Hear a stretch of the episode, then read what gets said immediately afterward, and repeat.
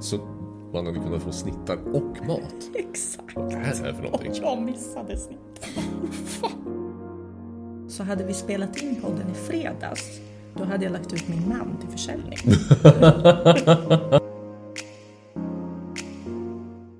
Hej och välkomna till Jana och Henrik-podden. Hej! Hej igen! Hej! Ja. Hur är läget? Det är, det är bra tack. Härligt att höra. Förutom att jag behöver en bh till mina trötta ögon. En bh till dina ögon. Där låter det ändå som någon sorts... Det låter som en sån här startup pitch. Ja, Eh, ja, men ja, du får väl jobba på den företagsidén, precis. tänker jag. Men du, för, för du fick en aller- allergisk reaktion, är det det ja du men tänker på? exakt. Ja. Exakt. Ja, men nu har jag lärt mig den läxan. Ja. Ja, men du Henrik, jag tror inte att vi sa att vi båda var från Uppsala sist. Nej, nej, det sa vi nog faktiskt inte. Nej. Nej, alltså vi pratade om ursprung här, men alltså ja, precis. Mm. Och vi bor ju ganska nära varandra också, så det är ju perfekt. Ja, det var ju, det var ju lite roligt att vi, vi det var ju en, eh, eh, det var ju en stund där och vi kanske, kanske, kanske hade blivit grannar. Ja, just det. Ja. Vilken tur att eh, det... Att vi inte blev det, det hade varit hemskt. Gud, va? Poddare och grannar. Nej, men det är jättekul att vi bägge är från Uppsala. Ja, verkligen. Har du varit... Eh, jag menar, nu sitter ju vi och poddar på United Spaces. Mm. Där eh, tidigare, för de som är från Uppsala, vet ju om att det var ju fantastiska butiker Mm, i den här lokalen. mm. Eh, och nu är det ju så fina kontor. Ja, verkligen. Älskar, det är otroligt inspirerande. Mm. Så kul att vi kan sitta här. Eh, har, du, gjort- har du gjort något kul i helgen? Jag var och eh, i lördag så gjorde vi typ ingenting. Gud vad skönt. Ja, blev liksom lite promenader, träffade mamma och pappa och sådär en lugn eh, lördagkväll. Och sen igår då, nej igår vad säger jag, i söndags. Eh, då eh, träffade jag några gamla vänner från psykologprogrammet. Eh, så vi, en, en, av, en av dem har precis flyttat in i hus och vi åkte dit, fick lyfta lite grann och sen spela lite brädspel. Kul! Mm. Pratar ni liksom, alla är psykologer, tänker jag då. Ja, nästan. Vi, det var eh, en, en av oss som eh, han eh, valde att eh, hoppa av efter halvvägs och ja, eh, göra, göra sin egen grej. Eh, Mm. Så att, men han har ju liksom psykologiintresset. Ja. Så att, men i övrigt så var vi, så vi var då typ fyra, fem psykologer kring eh, bordet. ja. Kul! Alltså det hade man ju velat sitta och bara... Det, det hade Va? vi inte. Nej, nej. Nej, gud nej. Nej, nej. Nej. Blir det mycket psykologsnack? Alltså hur, hur Ja, umgås men det- man med massa psykologer? Ja, alltså, nej, men det, alltså det, det finns ju så vissa så saker, ämnen som återkommande dyker upp när man är med andra psykologer. Eh, och det allra vanligaste är att klaga på hur regionen sköter sig och sköter sin personalvård. Okej. Eh, så det, det är väl det, liksom att klaga på, på hur, det, hur, hur regionen har organiserat, eller hur vården överlag eh, har, har organiserat sig. Det. Det, det, det är ganska vanligt att klaga Ja. på. Eh, sen så brukar man också klaga på lite olika så här, ja men kanske humbug personlighetsteorier. Det kan man också Mm. klaga på lite grann. Så det, det blir, det är liksom psykologer när de inte är på jobbet och när de inte är, liksom är offentliga. De är faktiskt ganska vanliga människor. Ja. Och, och liksom, ja men jo men absolut, vi, blir, vi klagar och är bittra och tycker det är jobbigt att med, med slask och snö. Och sen så går vi ut och eh, rekommenderar folk att känna tacksamhet för det lilla. Eh, Så att ja, ja. Fast ni måste ju också få klaga. ja, ja. Ja, alla, alla människor måste få klaga ibland. Alla det är får lite klaga. skönt också. Eller hur? Det Om är man det. kan släppa det sen. ja, jo men precis. Det är bara, det är bara, jag tycker det är bara så kul. Eh, Just för, för, för det är ju liksom så med vissa, vissa yrken som man tänker sig liksom att, ja men att de vet ju allt om hur saker, ja men typ läkare, de vet ju precis hur man ska vara hälsosam och så här. Och så ser man, ja men ändå läkare som röker och kanske äter för mycket snabbmat eller inte rör på sig och sådär. Och samma med psykologer, vi, vet, vi ska ju veta precis hur man är, som, hur man tar hand om sitt psyke och så här. Men likväl, ja. Vi ägnar oss åt precis samma saker som, som vanliga människor gör. Ja. Men du, när vi ändå är inne på det. Mm. Eh, För du eh, jobbar, du, du jobbar inte på någon vårdcentral längre? Nej. Nej, det gör Vad gör du liksom nu istället? Det händer ju ganska mycket för dig också. Ja, Ja. Ja, visst. Nej, alltså det, det jag gör nu är att jag föreläser. Mm. Eh, Jag, jag håller på att sälja min bok Mm. i princip. Eh, Det har ju varit ett eh, stort jobb. Eh, Det var, har det varit. Och så sysslar jag med ja, onlineverksamhet. Så eh, webbinar och, och så. Mm. Eh, Ska jag börja komma igång med lite mer här. Mm.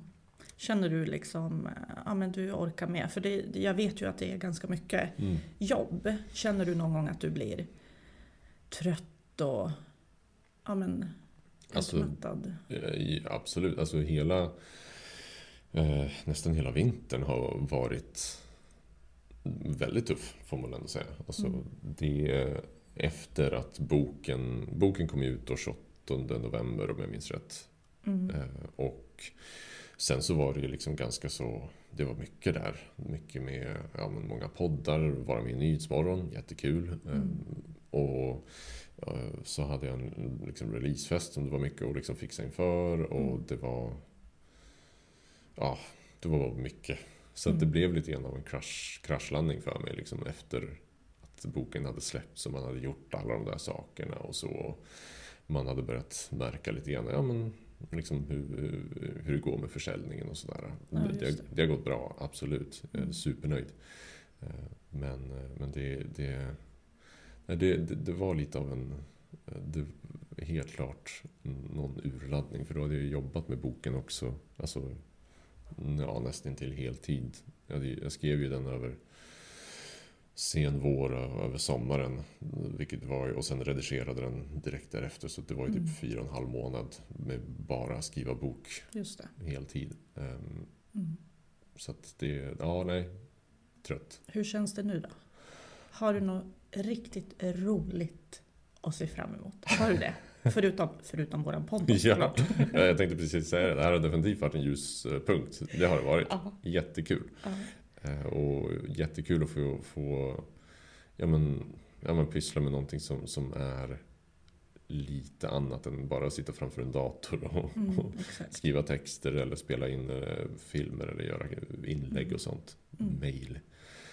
Eh, Men Men du berättade ju något kul. ja, du ska ju vara med precis. i... Jag ska vara med i Mix Megapol, ja, precis. Det, ser- det, du ser, det är liksom det här som händer med min hjärna. Vi, vi satt och pratade om det, liksom, det här Exakt. bara för tio minuter sedan. Ja, tur att jag finns Ja. och påminner dig. Ja, faktiskt. Ja. Ja, men det är ju lite roligt. Och, och vad ska du göra där då? Eh, jo, eh, nej, men jag kommer bli typ... Eh, det är... eh, Jag kommer vara med i Halv tre med Lotta Bromé. Eh, på hennes program som hon har där. Och jag var med nu efter... Eh, spelade in här och var med nu efter nyår. Mm. Med lite tips kring nyårslöften och sånt. Så och nu kommer vi köra liksom lite, ja, ett eh, inslag i månaden här i...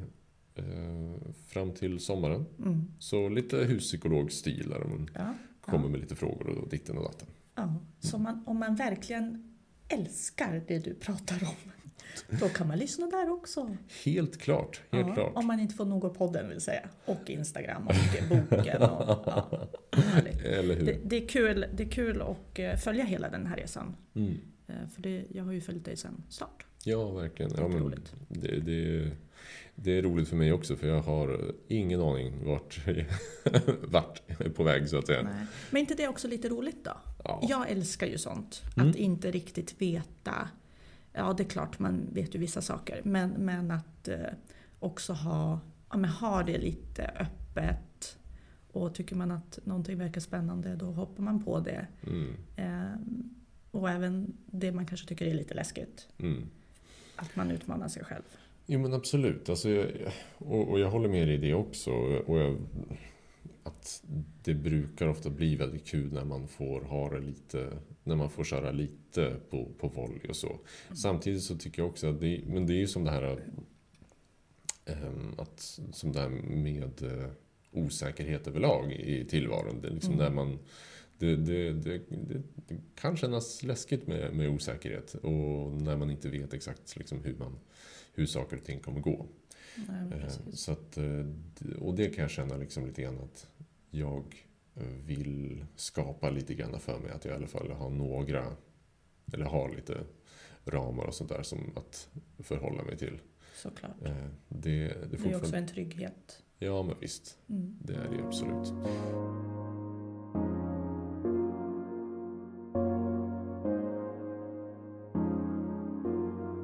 Hur var din helg?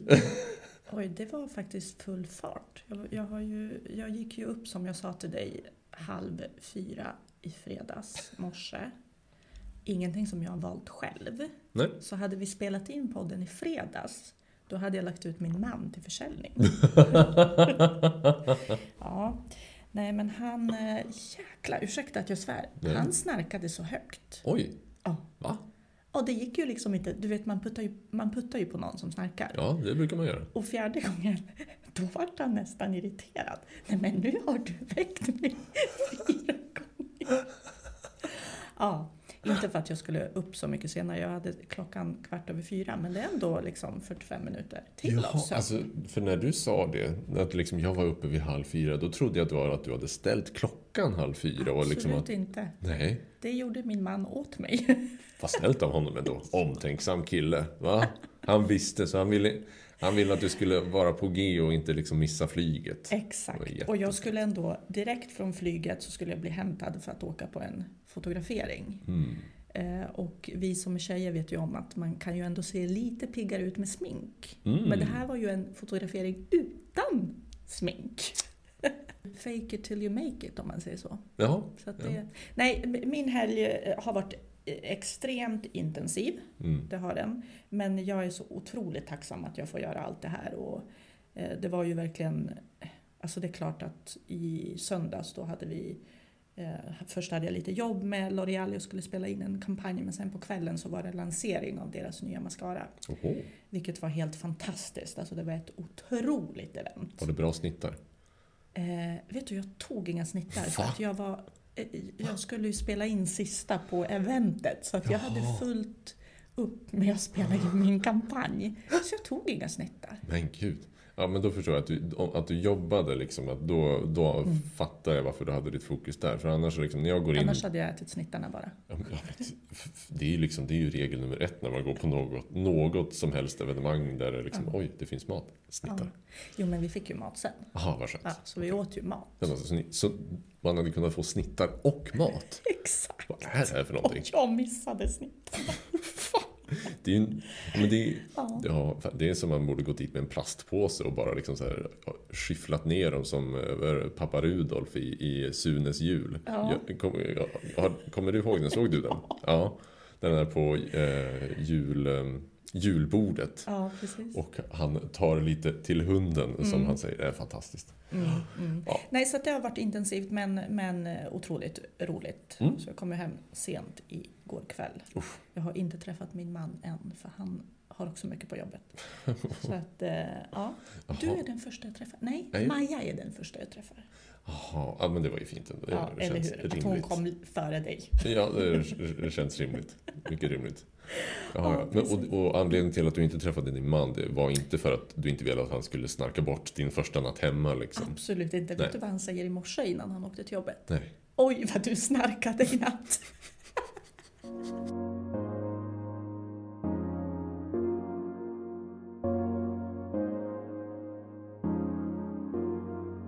När du är ledig, är det då liksom... eh, Planerar du din ledighet med liksom de här trevliga sakerna ska jag göra? Eller är det Mm. mera liksom att det är tomt? Eh, Jag går dit vinden bär mig. Ja, nej, alltså det är inte tomt. Eh, Jag har ju också väldigt mycket det här året och Mm. återigen, jag är otroligt tacksam. Eh, mm, Så det är absolut inte tomt, men i och med att jag har jobbat så mycket nu och inte varit ledig i helgen heller så känner jag att jag måste få in eh, en dag där jag inte går in och läser mejl ja, men för Mm. att jag vet om jag läser jag, jag, jag är i alla fall en sån person att så fort jag ser eh, ett mejl eller någonting så ska jag svara direkt. Helst samma dag. Och då blir det ju att det, det sitter ju kvar där. Mm. Du är ju inte riktigt, det är inte så att du kopplar bort. Jag ska försöka att inte lägga upp på sociala medier. Nej. Mm. ja. Ja, ja, vi, vi, får se hur det går. Vi kan ta det i nästa poddavsnitt. Du får Ja. kolla imorgon. Ja, vi får göra det. Kommer hon lägga upp någonting? Ja. Nej, men man behöver den här... em, Alltså, ibland får man ju kommentarer. Jag är ju som, som jag sa förut, att ganska förskonad från liksom, hat eller vad man ska säga. Hat är väl inte allting men så ibland när man så här åker på såna här resor eller överlag det jag jobbar med så kan det ju finnas fördomar. Mm. Eh, att ja, ja men det är ju bara filma lite, Ja. bara, ta en fin bild och bla bla bla. Eh, eller som man ser, ja du har varit i Köpenhamn, eh, lägger upp att du sitter och dricker kaffe eller ja men du vet. Eh, Mm. Men folk förstår ju inte riktigt allt som sker, som det här eventet. Absolut ett underbart event att få vara med på. Eh, och, men det är ju också för att jag jobbar med det här. Och det är ju min kund för hela 2024. Men plus att jag också på det här eventet skulle utföra ett jobb. Som sen liksom morgonen efter när jag vaknar, det ska klippas ihop, det ska sändas in, det ska liksom granskas, det ska Mm. skickas tillbaka, det kanske är något som behöver göras om. Så det är ju otroligt mycket press, det är ju inte bara, det är inte bara att lägga upp någonting. Så Nej, att, ja. visst. Nej, men så, ja, absolut. Det är ju, och, och det blir väl också, det blir också lite så här... Jag kan tänka mig att det blir också lite tveeggat för dig också som då går på de här eventen i och med att de är ju ofta jag kan tänka mig liksom utstyrslade som att det här är feststämning. Exakt. Men, men det är jobb, Mm. eh, jobbmode för dig. Mm. Ja. Visst. Ja, nej, men absolut. Det, och det är klart att man, man ser ju ofta bara den ena sidan av det hela. Mm. Men det, det, och det är bra att få bägge. Ja, och jag Ja. kan också förstå att människor som tittar utifrån tänker att det här, det här, man har ju hört någon gång, ja men ni som jobbar med sociala medier, skaffa ett riktigt jobb. Ja, jo, eller så kan du testa en vecka. Så får vi se vad du tycker. Nej men så att, eh, ja det är klart. Det, det ser väldigt flott ut. Och det är det också. Men det är också ett jobb. Absolut. Mm. Saker kan vara två saker samtidigt. Precis. Det kan det vara. Nej, alltså för, för min egen del, det, jag tycker det, det är också lite, lite intressant sådär att ehm, folk antar, för nu, nu när jag har liksom blivit så här stor på sociala medier ganska snabbt sådär, och folk, Mm. folk antar också liksom att jaha, ja men då är det väl liksom, då hovar man väl in pengar och allt sånt där. Mm. Men nej, sånt där går inte automatiskt. Nej. Det är liksom, jag får ingenting, alltså man får ingenting av Instagram eller något sånt där. Utan Mm. det blir vad man gör det till. Ja, precis.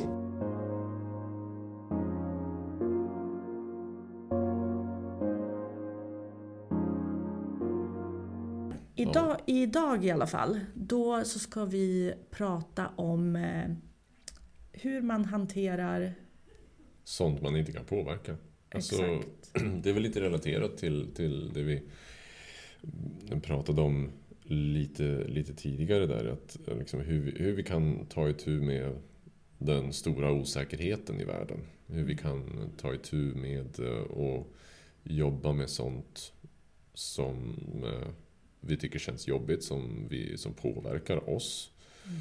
Men som vi inte kan göra någonting åt. Rent hypotetiskt då, när man har en, en, eh, en make som ligger och snarkar bredvid sig och eh, man eh, försöker få den här maken att sluta snarka men det bara går inte. Nej, Vad ska man göra? han blir istället arg när han blir väckt fjärde gången. ja, då kan man ju göra som jag gjorde, då kan man gå upp Ja. tidigare. Och vad var det du liksom, vad var det för insikt du kom till då när du valde liksom att gå upp då 45 minuter innan? Jag kände det är väl ingen idé att jag ligger kvar här och blir irriterad. För det blir man ju Mm, när man är trött. Och vem vill gå upp halv fyra på morgonen? Eh, så att det var väl bättre kände jag att jag kliver upp och tar det lite lugnt. För jag ska liksom ändå upp om 45 minuter. Eh, så får jag väl testa att somna på flyget. Så Ja. tänkte jag. Visst. Eh, Det gjorde jag faktiskt. Du, du sov på flyget? Ja, sov en timme. Holy shit. Ja. Alltså, för det är ändå Jag liksom, däckade. ja, okej, ja förvisso, du var jättetrött så det, det underlättar ju. Men annars så jag, jag har jättesvårt för att sova Ja. på flyg. Ja, men det har jag också. Ja. Det, det låter då lite grann som att du då insåg att den här situationen som du var i då, den, den kommer inte förändras. Din, Nej. din make kommer inte magiskt sluta snarka och liksom du kommer inte magiskt att kunna somna trots den här liksom eh, vad ska man säga, den här jordbävningen som sker 30 centimeter ifrån dig. Mm. Utan det låter då lite grann som att du ja, hittade något sätt att mera omfamna situationen och Mm. göra det, fokusera på det du kunde kontrollera. Ja, men precis. För sen får man ju ett gulligt sms. Hoppas du har landat och allting har gått bra. Du vet, då har ju han tagit sovmorgon.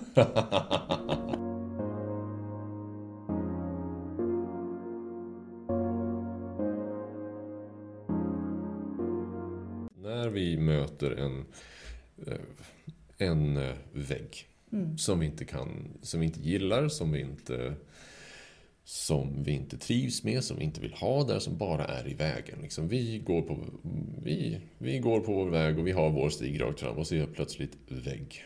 Den hindrar oss från att ta oss dit vi vill. Mm. Då brukar vi ofta hamna i, i det som, ja, som du hamnade i till en början. Vi börjar försöka liksom Mm. förändra situationen eftersom det är ju det naturliga. Vi vill ha vår vilja igenom. Vi försöker flytta på väggen eller i ditt fall då väcka din make. Mm. ja.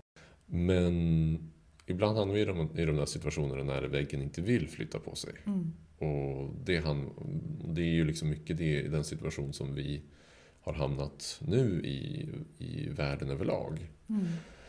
Med... Eh, vi har flera krig som pågår, vi har liksom mycket förstörelse, mycket död och vi har också en, en orolig, orolig situation i, i Sverige, i vår, våra, vårt samhälle.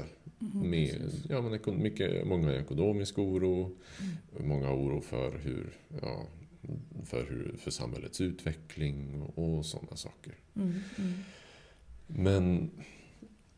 Det är också sånt vi inte kan påverka, tyvärr. Nej. Eh, Men, men jag tänker också att eh, ibland måste man ju också få prata om det Mm. eh, med någon annan och inte kanske hålla det för sig själv. Mm. Det finns ju liksom, jag vet ju att Maja brukar ju ta upp saker vid middagsbordet liksom och ställa frågor och då kan vi sitta kvar och prata och ja, men lugna henne, eller vad man ska säga. För att jag tror att det är väldigt många ungdomar, främst barn, som går runt och är oroliga. Eh, och då är det nog viktigt att vi verkligen sitter ner och pratar och lyssnar på dem och deras oro. Du får säga om jag har fel, men det är väl skillnad på att gå runt och vara orolig ibland en timme eller vad man är och få prata om det och sen kanske försöka släppa det, kliva ur rummet eller vad man nu gör. Än att du kanske går en lång period och är stressad och orolig vilket leder till ångest gissar jag. Mm. Ehm, Så det är väl skillnad på oro och det man ältar som man inte kan förändra. Hur länge man gör det. Är det så? I- Jo men absolut. Och, och det där är ju... Eh, som du säger, att prata med någon liksom och få det här sociala stödet, stödet det är ju jätteviktigt. Särskilt då när man känner sig orolig och tycker saker känns jobbigt. Mm. Och framförallt då när det är saker som man kanske inte kan styra över. Vi kan inte liksom, ja, styra över krigen, vi kan inte styra över Riksbanken. eh, Så, Mm. men... Och då är det ju jätteviktigt att, att få prata med andra.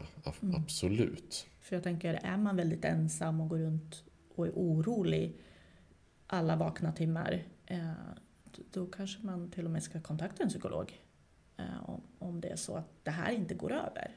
Absolut. Eh, Men om jag utgår ifrån mig själv, för jag menar jag blir också orolig såklart. Och, och rädd när man ser och hör vissa saker. Men då försöker jag hitta det som gör mig lugn. Eh, sen är vi så i min familj, jag och min man pratar ju otroligt mycket.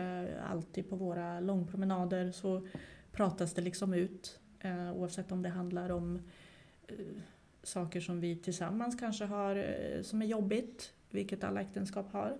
Eller om det är krig eller gängkriminalitet i Sverige eller vad det nu är.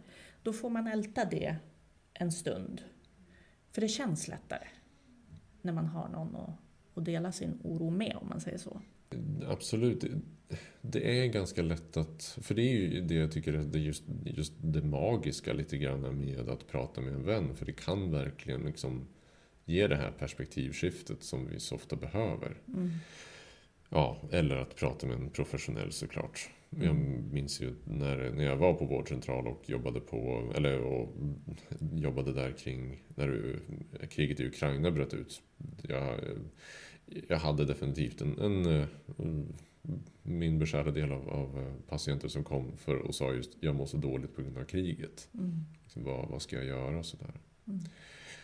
Men ehm, så det, det kan definitivt vara värt att just få det här. Och, och jag tycker också som du beskriver just att, ja men, ja men, som, du, som ni gör, att också kanske ibland tar då bara en, men tar då en lång promenad och låter det liksom, ja, men då får det vara lite då pratar man ut då lite grann och sen så när man kommer hem så kanske det är lite fokus på annat. Ja. Kanske är fokus på att laga maten eller Exakt. Se på Idol eller ja, jag vet inte om ni ser på, ser ni på Idol? Nej, jag- vi gör faktiskt inte det. Alltså det gör inte jag heller. Jag bara, det var nog så här vanligt exempel. Love is blind. Ja, okej. Ja.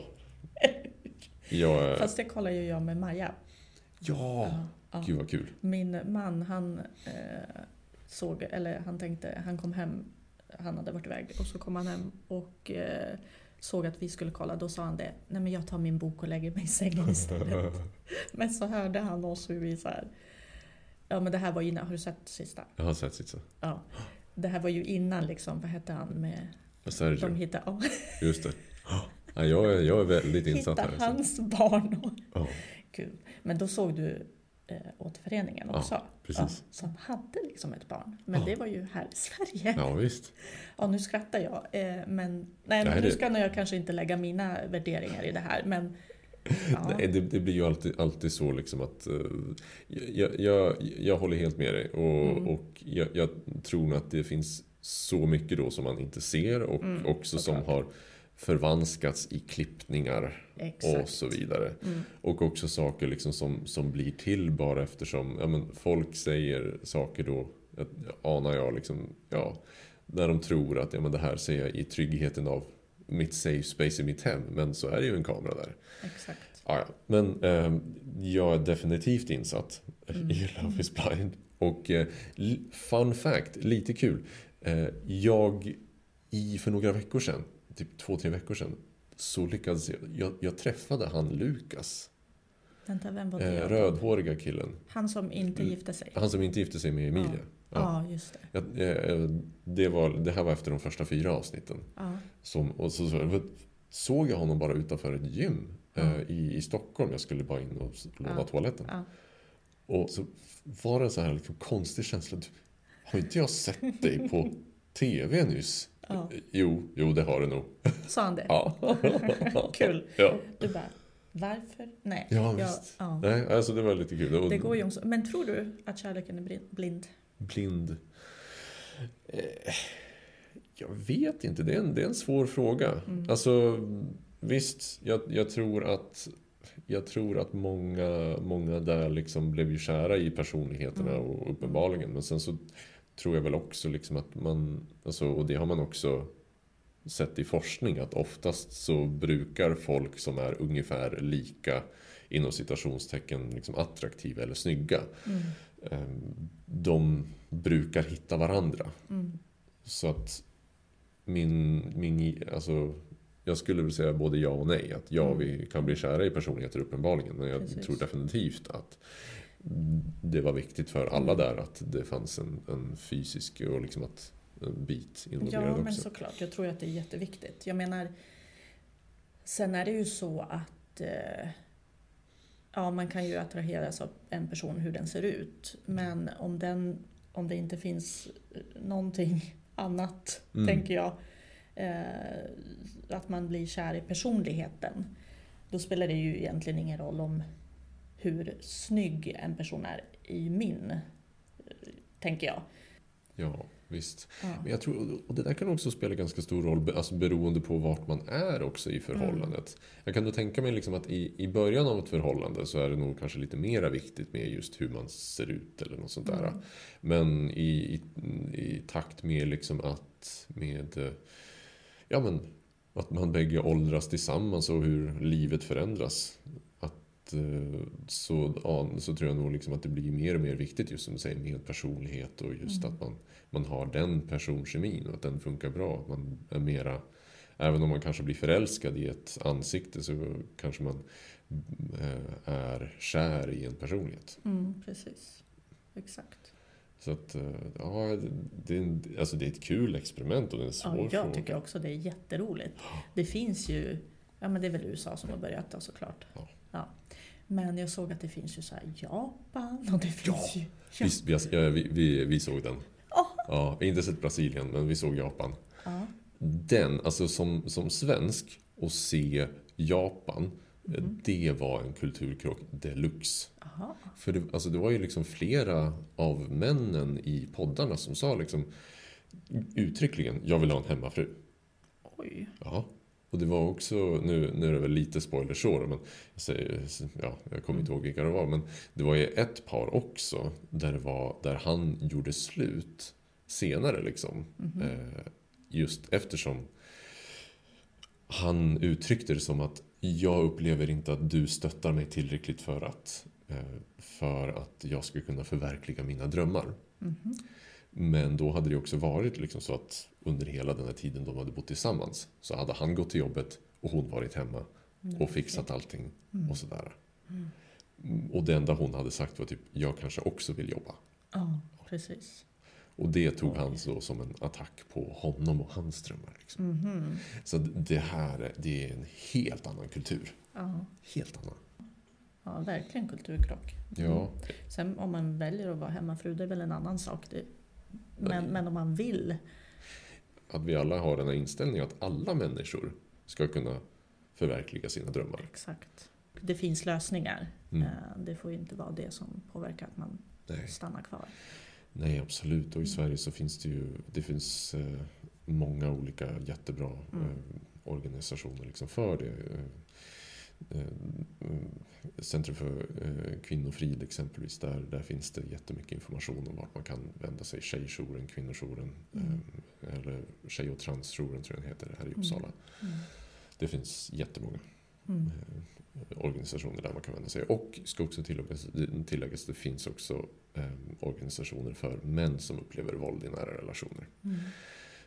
Så där finns det också hjälp att få, även om det är det är, mm, i, sker i, i mindre utsträckning så Mm. eh, är det också viktigt att Ja, såklart. uppmärksamma att ja, men det sker också. Ja. Men man kanske inte heller pratar lika mycket om det, eller? Om man är man. Kan det Nej, vara så? Men det är just, och det, och det tror jag också liksom att det påverkas vi också av vissa så patriarkala strukturer i och med att vi män har ju den här idén om att ja, men vi är ju de fysiskt starkare. Mm. Så hur i hela friden skulle jag kunna bli misshandlad och liksom vara utsatt för våld i nära relation av en mindre fysiskt stark Mm. kvinna? Men det sker, absolut. Säg att man har en vän eh, som blir utsatt för våld och, och du ser att det är något fel. Eh, att man också som vän vågar eh, fråga. Fråga specifikt, om man, om man då som du säger är misstänksam, att fråga specifikt. Blir du misshandlad? Just det. På, Så där rakt på sak, Ja. tycker du? Mm. Oh ja. För, för, för just i och med att det är liksom så... ehm, I och med att det är så liksom fortfarande så tabubelagt och Mm. eh, som du säger, det kan finnas jättemånga hinder Mm. för en själv liksom att berätta. Så kan det vara viktigt att bara att få en direkt fråga. Mm. Det var någonting som jag brukade fråga om i första samtalen. Alltid fråga om eh, upplever du nu eller, någonsin, eller liksom, har du nu eller någonsin upplevt fysiskt eller psykiskt våld? Mm. Så att ändå liksom, man, de får en direkt fråga liksom, som de Just det. kan svara på om de vill. Mm. Det kommer vara många som inte vill erkänna det. Kan det komma sig att de inte erkänner det vid första samtalet, men att det kommer sen? tänker jag. När de känner att de har mer förtroende för dig. Även om du är psykolog så blir det ju att man på något sätt, sätt ja, men blir mer trygg och då vågar berätta. Händer det liksom? Absolut, hela tiden. Mm. Och det har jag full förståelse för. Mm. Det, de här första samtalen kan ju kännas lite så här uppstyltade. I och med Mm. att man har ju ofta en, en mall med frågor man ska fråga. Ehm, och, ehm, och att det blir lite, så här, lite smått tidspress kan det ju kännas som. Och, så då är det ju absolut så att det, är vanligt att det dyker upp Mm. i, på efterföljande. Och det är helt okej det med. Liksom. Det är Mm. bara för att man ena stunden har sagt eh, har, har nekat till det eller sagt nej jag upplever ingenting. Så det är Mm. bara bra om man vågar berätta vid senare tillfällen. Om man, om man märker eh, ja, men man har någon elev i skolan eller att man även vågar ta det här och hjälpa barnet. För att det sker ju otroligt mycket våld i hem Mm. där barn inte vågar berätta. Ja visst. Ja. Alltså vi vuxna måste ju också ta ett ansvar. Och eh, ja, men våga ta den där jobbiga frågan. Mm. Och det är ju också för det här är ju det är också någonting som, alltså, som i, i vår, vår kultur också, alltså den svenska kulturen kan Mm. kännas liksom, för här är, är man ju liksom mera in, in, inne på liksom att ja, men var en uppfostrar sitt eget barn lite grann. Mm. Så det är också svårt. Men vi har ju också den fantastiska grejen med orosanmälan här i Sverige. Mm, precis. Och, eh, så, och den kan ju definitivt göras anonym till socialtjänsten. Mm. Så att eh, är det så att man misstänker att ett barn, nog, alltså vem som helst under 18, eh, far illa Mm. så kan man göra en orosanmälan. Mm. Och en orosanmälan är, bara, är i princip en, bara en röd flagg lite grann för socialtjänsten att här är det någonting som händer. Det. Det är inte någonting som, det är inte så att någonting, de kommer, socialtjänsten omedelbart kommer att ja, sparka in dörrar och hämta hem ungar. Det händer ju inte. Utan det de gör då är ju att de tar kontakt med familjen på ett eller annat sätt. Oftast via telefon eller sådär. Mm. Bara för att stämma av vad är det som händer, hur ser det ut i hemmet. Mm. Och ofta så stannar det där. Okej. Ehm, Så Men tänk om man missar någonting där. ja, det händer ju. Mm. Och därför så är det bra att om man då vet om, alltså vet 100% att det sker. Det, det här kan ju missbrukas också så jag är lite liksom försiktig så. Jag, det. det finns tillfällen liksom där, där folk har eh, eh, använt, missbrukat det här liksom med Mm. ont uppsåt. Eh, an, ja, skickat iväg orosanmälningar till fullt fungerande familjer. Ja, Och hemskt. det är hemskt, absolut. Mm. Så det är just därför man, socialtjänsten är också försiktiga i det här. Precis. Och att de, de, genom, de gör sina utredningar. Mm. Så att eh, Ja, de, förstår. man kan skicka lite flera um, orosanmälningar om man då vet liksom att men här är ett barn som mår dåligt, eh, som far illa. Då kan man absolut skicka in flera. Efter tid så kommer socialtjänsten att göra en utredning. Och de brukar vara väldigt grundliga. Mm. Så att, och då kommer de få reda på om det är så, ehm, så att det är någonting som ja, Mm. inte står rätt till. Mm. Ja, och sen tänker jag att just det här om man anmäler någon bara för att vara lite elak känns det ju som. Mm. Så tar det ju, man förstör ju faktiskt för de som på riktigt far illa.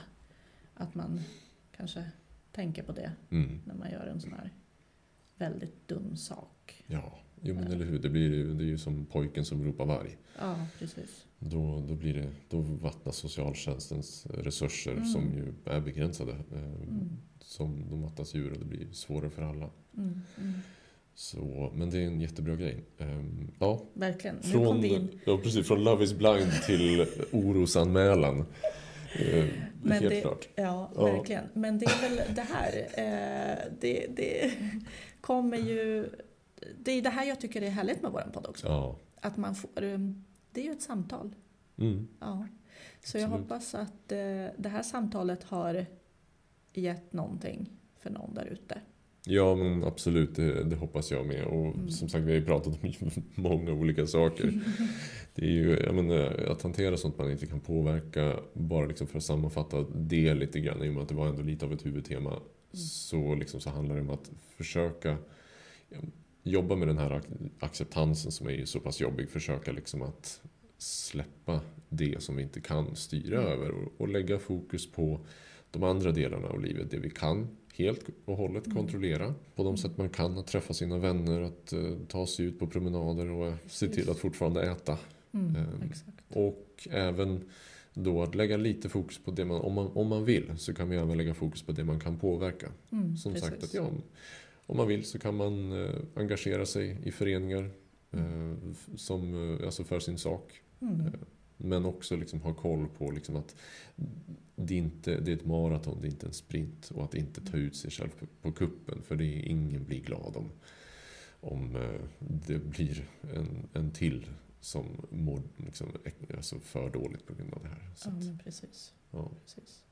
Bra där Henrik.